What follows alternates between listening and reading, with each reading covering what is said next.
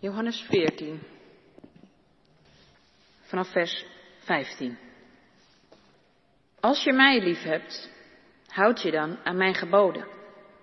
Dan zal ik de Vader vragen jullie een andere pleitbezorger te geven, die altijd bij zal zijn, de geest van de waarheid. De wereld kan hem niet ontvangen, want zij ziet hem niet en kent hem niet. Jullie kennen hem wel, want hij blijft bij jullie en zal in jullie zijn. Ik laat jullie niet als wezen achter. Ik kom bij jullie terug. Nog een korte tijd en de wereld zal me niet meer zien, maar jullie zullen mij wel zien. Want ik leef en ook jullie zullen leven. Dan zul je begrijpen dat ik in mijn Vader ben, dat jullie in mij zijn en dat ik in jullie ben. Wie mijn geboden kent en zich eraan houdt, heeft mij lief. Wie mij lief heeft, zal de liefde van mijn Vader en mij ontvangen. En ik zal mij aan hem bekendmaken. Toen vroeg Judas, niet Judas Iscariot, aan Jezus, waarom zult u zich wel aan ons, maar niet aan de wereld bekendmaken, Heer? Jezus antwoordde, wanneer iemand mij lief heeft, zal hij zich houden aan wat ik zeg. Mijn vader zal hem lief hebben en mijn vader en ik zullen bij hem komen en bij hem wonen. Maar wie mij niet lief heeft, houdt zich niet aan wat ik zeg. En wat jullie mij horen zeggen, zijn niet mijn woorden, maar de woorden van de Vader door wie ik gezonden ben. Dit alles zeg ik tegen jullie nu ik nog bij jullie ben. Later zal de pleitbezorger, de Heilige Geest, die de Vader jullie in mijn naam zal zenden, jullie alles duidelijk maken en alles in herinnering brengen wat ik tegen jullie gezegd heb. Ik laat jullie vrede na. Mijn vrede geef ik jullie, zoals de wereld die niet geven kan. Maak je niet ongerust en verlies de moed niet. Jullie hebben toch gehoord dat ik zei dat ik wegga en bij jullie terug zal komen? Als je me lief had, zou je blij zijn dat ik naar mijn vader ga, want de vader is meer dan ik. Ik vertel jullie dit nu, voordat het gebeurt, zodat jullie het geloven wanneer het zover is. Ik kan niet lang meer met jullie spreken, want de heerser van deze wereld is al onderweg. Hij heeft geen macht over mij. Maar zo zal de wereld weten dat ik de Vader lief heb en doe wat de Vader me heeft opgedragen. Kom, laten we hier weggaan. Dit is het woord van God. Gemeente van onze Heer Jezus Christus, twintig jaar geleden werd hij vermoord en daardoor is hij bekender geworden dan hij ooit daarvoor was, de Rotterdammer Pim Fortuyn. Veel van zijn gedachtegoed is omstreden. Maar zijn boek uit 1995, De Verweesde Samenleving, wordt nog steeds door vriend en vijand als fundamenteel gezien. De verweesde samenleving. Misschien zou je het boek zelfs wel profetisch kunnen noemen, wanneer het gaat om een overheid die zich steeds meer ging terugtrekken. Ieder mag het zelf uitzoeken en leven de vrijheid. Maar de keerzijde was en is de verkilling. Als je een probleem hebt, krijg je nauwelijks nog ergens een normaal mens te spreken die bereid is zich in jouw specifieke situatie te verdiepen. Er zijn nog tien wachtenden voor u. En daarna krijg je een computerstem te horen. Mensen die gereduceerd worden tot een dossier met een nummer, die zich machteloos en weerloos voelen, met als dieptepunt de toeslagenaffaire. De verweesde samenleving, de echte aandacht ontbreekt, betrokkenheid en bewogenheid. Verkilling en verzakelijking slaan toe en daarmee ook groot onrecht. Fortuin heeft het in zijn boek ook over het onderwijs, waar kleine scholen met persoonlijke aandacht voor leerlingen allemaal moesten verdwijnen om plaats te maken voor kennisfabrieken, waar geen vorming meer plaatsvindt door leraren die een band opbouwen met hun leerlingen, maar waar het in hoofdzaak gaat om doelen te halen, protocollen te volgen, targets, voorbeeldfiguren. En wat romantisch, idealistisch, maar ook wel terecht, denk ik, spreekt Fortuyn dan over de leraren van vroeger, die, waar die voor jou een identificatiefiguur werden en waardoor je dacht, ik wil ook Nederlands gaan studeren of ik wil ook van die geschiedenis meer weten. Waar je liefde ontving voor, voor iets wat je, wat je hart raakte. Ik moest aan dit alles denken, gemeente, op deze Wezenzondag. En niet als een interessant opstapje voor een preek die dan verder weer over heel iets anders gaat. Maar ik zag ineens zo'n tegenbeeld van dit alles wat Fortuin schetst in wat ons verteld wordt van Jezus en zijn leerlingen. Jezus kwam naar deze aarde om het leven weer terecht te brengen. Ik ben de weg, de waarheid en het leven, zei hij. Maar intussen kwam hij toen niet een boek brengen met lesstof, aanwijzingen en protocollen.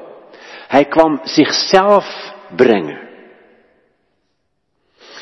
Hij riep leerlingen om een persoonlijke band met hen op te bouwen. Ze mochten hem volgen, een persoonlijke verbinding met hem aangaan, zich verwonderen, onder de indruk raken. En dat ging steeds dieper. Ze werden er andere mensen van. De leerlingengemeenschap rondom Jezus is wel het volstrekte tegenbeeld van de verweesde samenleving. Maar nu is het vandaag Wezenzondag, de zondag tussen hemelvaart en Pinksteren. Jezus heeft de laatste tijd steeds vaker gezegd, ik keer terug naar mijn vader. Maar de leerlingen denken, dan blijven wij dus verweest achter. Wij kunnen ons dat heel goed voorstellen. Juist als je zo'n sterke band hebt ervaren met Jezus. Als Hij zo je identificatiefiguur geworden is, dan, dan wil je Hem niet missen. Jezus terugkeer naar de Vader kan dus totaal geen feest voor hen zijn. Hemelvaartsdag. Je mag het misschien niet zeggen, maar toch denken de leerlingen het wel. Vreselijk. Vreselijk. De huiver daarvoor doorloopt heel het grote deel van het Johannesevangelie dat begint met hoofdstuk 14 en eindigt met het slot van hoofdstuk 16. De zogeheten afscheidsgesprekken. Huiver voor de tijd die gaat komen, Jezus te moeten missen. Laat uw hart niet in beroering raken. Zo begint Jezus um, zijn gesprek, hoofdstuk 14, vers 1. Laat uw hart niet in beroering raken. Maar dat gebeurt dus wel. Ze zijn helemaal van slag. Angst voor verweest zijn. Angst vanwege hun grote kwetsbaarheid.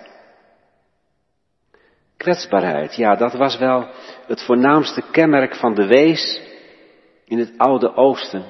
Wie nam het voor jou op? Wie zorgde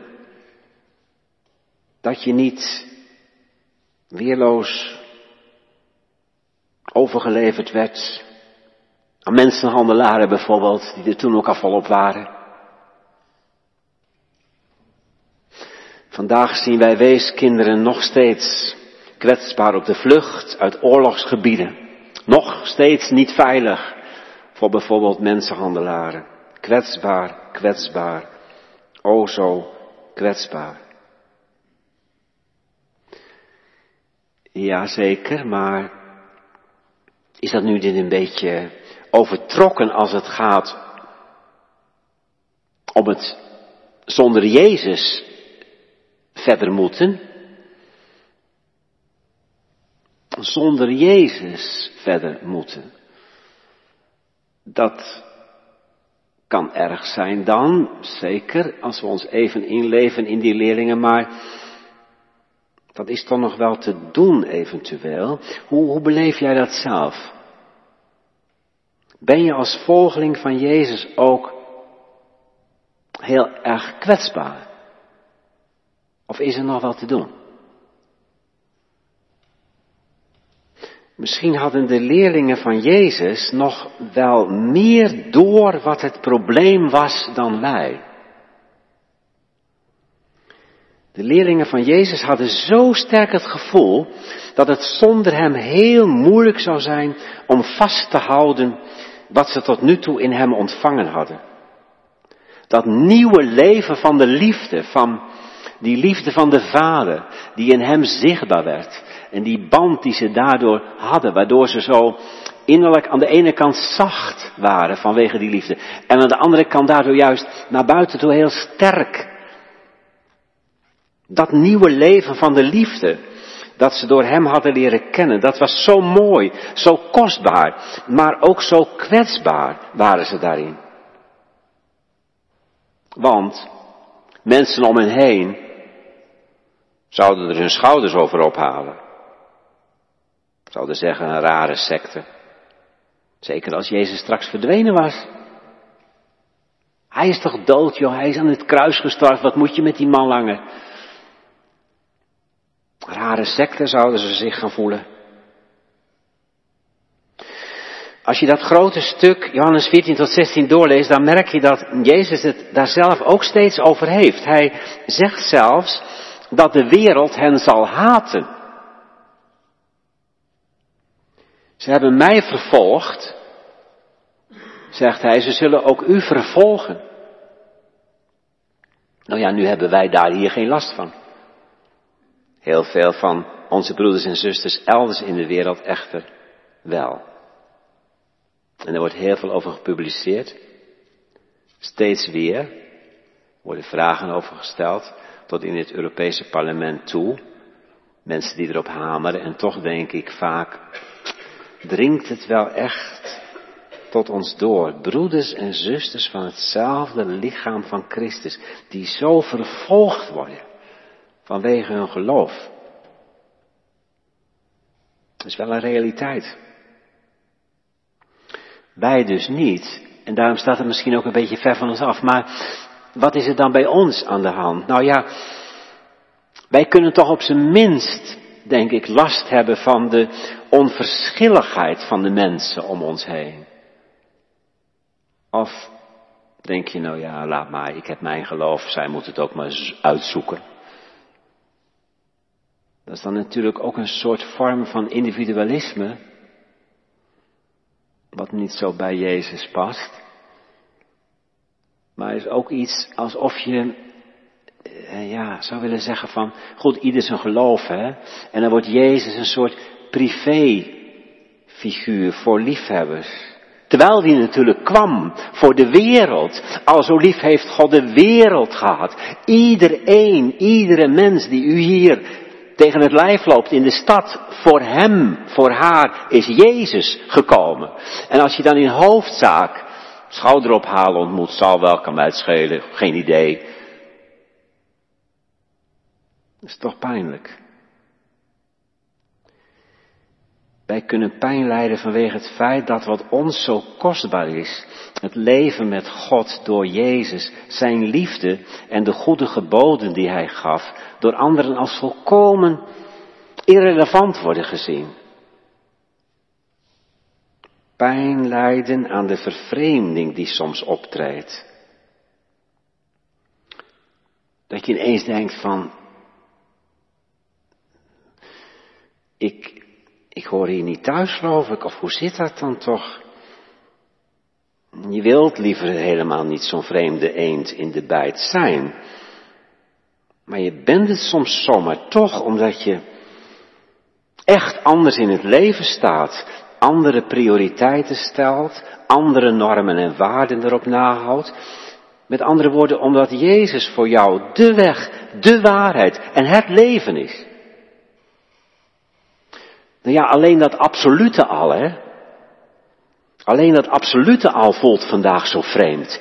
Jezus een weg. Nou, eventueel oké. Een weg. Eventueel oké, een waarheid, maar toch niet de enige weg. De enige waarheid, dat absolute, daar zit ook altijd iets exclusiefs in. En dat vinden mensen vandaag al heel snel intolerant. Dat is één ding. En verder merken we natuurlijk alle dagen, als we onze ogen en oren een beetje open hebben, dat wat er allemaal in deze wereld gebeurt, aan onrecht en geweld, zo ver afstaat van Jezus, van zijn leven, zijn boodschap. Dat het heel lastig is als christen positief en blijmoedig je geloof te blijven beleiden en te blijven beleven. Liefde te geven waar haat is. Hoop uit te stralen te midden van alle negatieve ontwikkelingen. Mijn ervaring is tot nu toe gemeente, hoe serieuzer ik mijn geloof neem, hoe serieuzer ik Jezus zelf neem, hoe kwetsbaarder ik me voel in deze wereld. Het is net alsof deze wereld met al zijn vaandels en zijn leuzen, de reclame, de prioriteiten, de targets die me voorgehouden worden enerzijds. En Jezus, zijn prioriteit, zoek eerst het koninkrijk van God en zijn gerechtigheid. Anderzijds, het is net alsof die twee werelden toch voortdurend schuren en botsen. En ik zit daar voortdurend tussenin. Sterker nog, het schuurt en botst soms ook in mezelf. Ik voel ook zo vaak de zuigkracht van de mainstream cultuur, meningen vandaag om me heen. Doe niet zo moeilijk. Pas je nu maar gewoon zoveel mogelijk aan. Waarom zou je steeds het gevecht aangaan met jezelf en met de dominante bewegingen in de cultuur? Dat verlies je toch. Laat maar zitten, joh. Doe gewoon je eigen ding.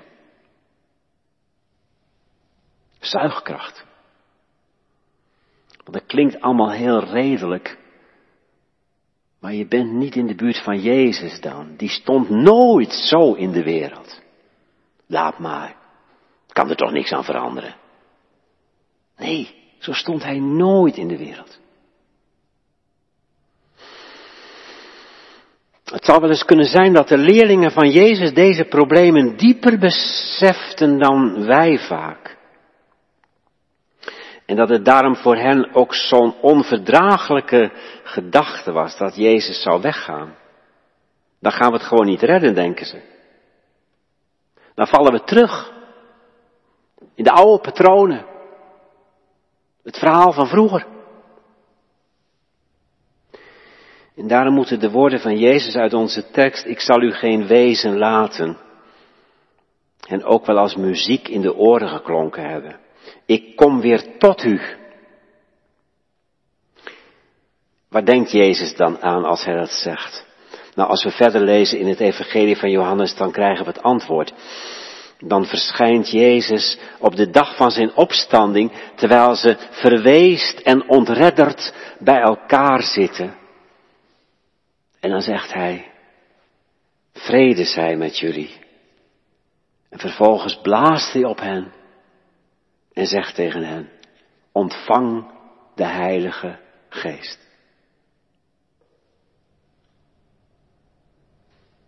Al 2000 jaar is Jezus niet meer letterlijk, lichamelijk bij zijn volgelingen. Maar als hij echt weggegaan zou zijn en er was niemand voor hem in de plaats gekomen, stel je even voor, dan hadden wij hier vanmiddag niet gezeten. Dan zou het koor niet die prachtige liederen zingen. Wij aanbidden u, o Zoon van God, en leggen ons leven voor u. Er waren er geen mensen geweest die ons met Jezus in contact gebracht hadden.